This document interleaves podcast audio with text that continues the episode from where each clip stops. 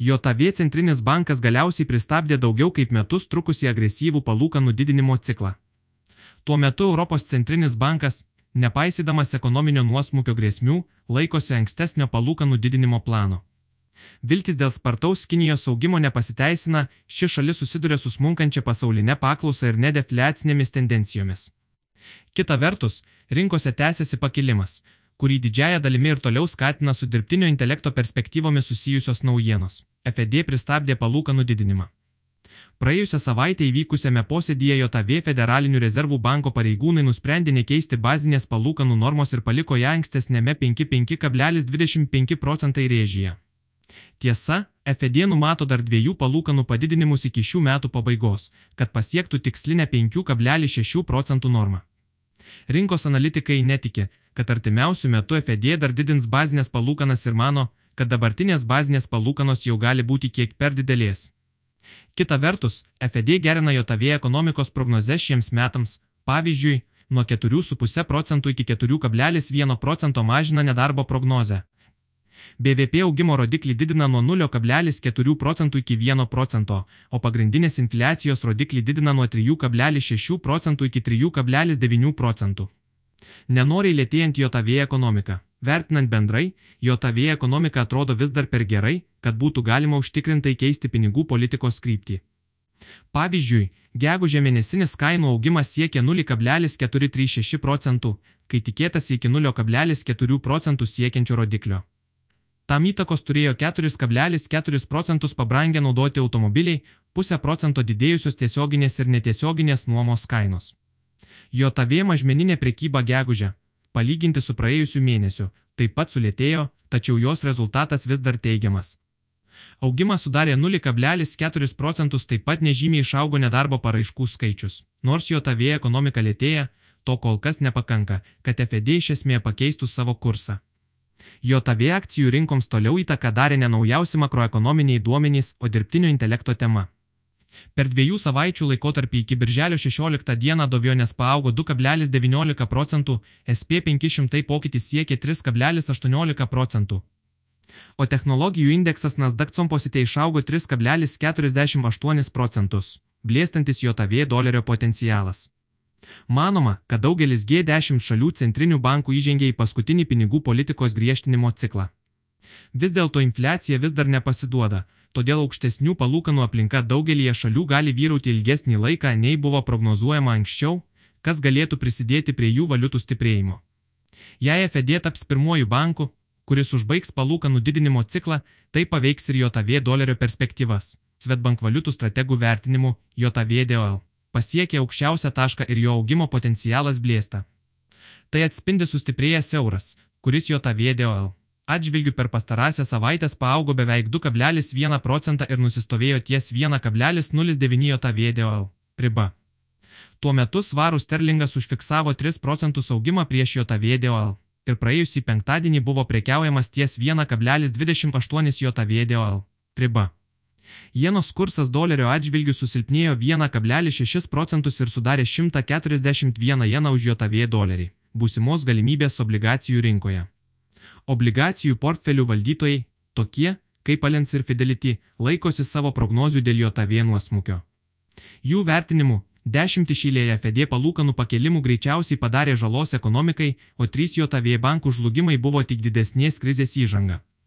Mūsų pagrindinis lūkestis yra vidutinis arba gilus ekonominis nuosmukis ir galima krizė, nes beprecedentis pasaulinis pinigų politikos griežtinimo tempas per pastaruosius metus iš tikrųjų pradeda veikti, Sakė Mike Esrideli Šalens. FED palūkanų griežtinimo ciklo pabaiga dažniausiai sutampa su ekonominiu nuosmukiu, didėjančių įsipareigojimų nevykdymu, rizikingo turto išpardavimu. Bet praėjus keliems mėnesiams nuo palūkanų piko, stebėtinai gerai ima sektis didelio pajamingumo obligacijoms. Kai tik bus patvirtinta FED palūkanų didinimo ciklo pabaiga, rinkos dalyviai pradės vertinti normų mažinimo tikimybę, o tokia aplinka bus itin palanki ilgalaikės skolos vertybinėms popieriams. Nauja JAV vyriausybės obligacijų banga. JAV išdo departamentas pradėjo obligacijų leidimo bangą po to, kai JAV padidintos skolos lubos. Bendra 3 ir 6 mėnesinis aukcionų vertė siekia 123 milijardai JAV DOL. Oxford ekonomis teigia, kad itin didelė paklausa stebėta dėl trumpesnio laikotarpio obligacijų, kurią skatina FED politikos pokyčių rizika. Tuo metu JAV bankams, kurie stengiasi išlaikyti pinigus indėlių sąskaitose, naujas obligacijų potvinis kelia tam tikrų iššūkių. JAV išdo dviejų metų obligacijų pajamingumas per dvi savaitės išaugo 24 baziniais punktais ir pasiekė 4,7 procentai. Aukščiausias lygis šiame cikle buvo 5,05 procentai. Dešimties metų obligacijų pajamingumas per šį laikotarpį taip pat paaugo 8 baziniais punktais iki 3,77 procentų, vėl gilėjanti obligacijų inversija. Investuotojų baimė dėl ekonominės žalos grasina užgošti kitą palūkanų kelimo etapą, kurį žadėjo FED, ECB ir kiti centriniai bankai. Svetbank analitikai pastebi, kad JAV ir Vokietijos obligacijų pajamingumo kreivių inversija gilėja iki lygio, kuris paskutinį kartą buvo matytas kovo pradžioje, prieš pat JAV regioninių bankų krizę. Tai atspindi nerimą, kad palūkanų augimas gali pagilinti ekonominį nuosmukį ir priversti skubiai keisti pinigų politiką. Pajamingumo kreivė, matuojama atotrukiu tarp 2 ir 10 metų JAV išdo obligacijų pajamingumo išlieka apversta, o inversija vėl pagilėjo iki minus 93 bazinių punktų. Tai lėmė išaugęs dviejų metų obligacijų kainų volatilumas, palyginti su 10 metų obligacijomis, įlinis palūkanų padidinimas eurozonoje. Praėjusią savaitę Europos centrinis bankas ECB, kaip ir tikėjosi rinkos dalyviai, Bazinę palūkanų normą padidino 0,25 procentų punkto iki 3,5 procentų tai aukščiausias lygis per pastaruosius kelis dešimtmečius. ECB prezidentė Kristina Lagarde atmetė galimybę dėl pauzės ir sakė, kad kitas palūkanų padidinimas Liepos mėnesį yra labai tikėtinas. Jos teigimu, infliacijos trajektorija vis dar išlieka per ilgai per aukšta, todėl tai dar nėra paskutinis ECB palūkanų padidinimas. Remiantis birželio makroekonominės prognozėmis, šįmet eurozonoje tikimasi 5,4 procentai metinės infliacijos, 2024 metai - 3 procentai. O 2025 metai - 2,2 procentai pagrindiniai veiksniai kainų augimui išlieka, nors pastebima silpstanti jų įtaka. Sumažintos eurozonos BVP augimo prognozės iki 0,9 procentų per šiuos metus, 1,5 procento per 2024 metus, ir 1,6 procentus per 2025 metus. Europos akcijų indeksai atkartojo teigiamą JAV biržų trajektoriją. Europos toks 600 akcijų indeksas birželio 16 diena dviejų savaičių perspektyvoje baigė 1,5 procento aukščiau. Vokietijos DX indeksas laikotarpį užbaigė 2,4 procentai aukščiau. Jungtinės karalystės FTSE 100 indeksas paaugo 0,4 procentai, o Baltijos OMX Baltits Benchmark dviejų savaičių prekybą užbaigė 0,06 procentų aukščiau. Skirtingos pinigų politikos trajektorijos. Australijos rezervų bankas RBA nustebino rinkas bazinės palūkanas padidindamas iki 4,1 procento tai aukščiausias lygis per pastarąjį dešimtmetį. Netmetamas tolesnio pinigų politikos griežtinimo poreikis. Buvo tikimasi, kad bankas nekeis pinigų politikos atsižvelgdamas į lėtėjantį ekonominį aktyvumą. Tiesa, Australijos gyventojų aktyvumas gegužė viršijo lūkesčius. O nedarbo lygis kiek netikėtai susitraukė iki 3,6 procentų darbdaviai sukūrė 75,9 tūkstančiai naujų darbo vietų.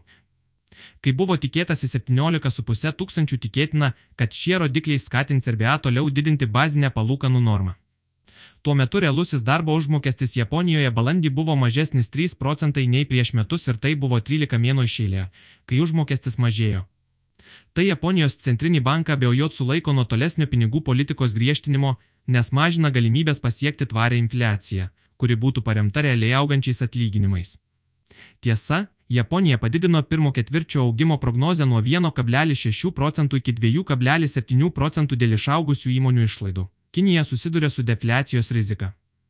Kinijos eksporto apimtys per gegužę sumažėjo daugiau nei tikėtasi. Tai atspindi mažėjančią pasaulinę paklausą, palyginti su tuo pačiu praėjusiu metų laikotarpiu. Siuntų JOTAVDL.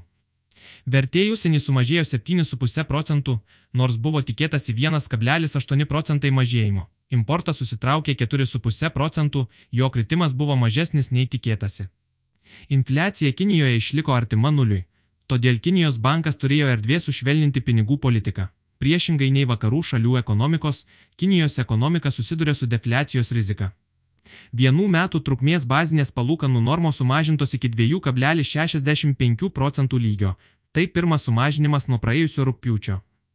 Japonijos Nikkei 225 dviejų savaičių laikotarpį paaugo net 4,6 procentai, o Kinijos BLV HIPS CSI 300 pakilo 3,1 procentą, Hongkongo HNG SNG. Per laikotarpį padidėjo beveik 5 procentus. Išvelgiamas naftos paklausos pikas.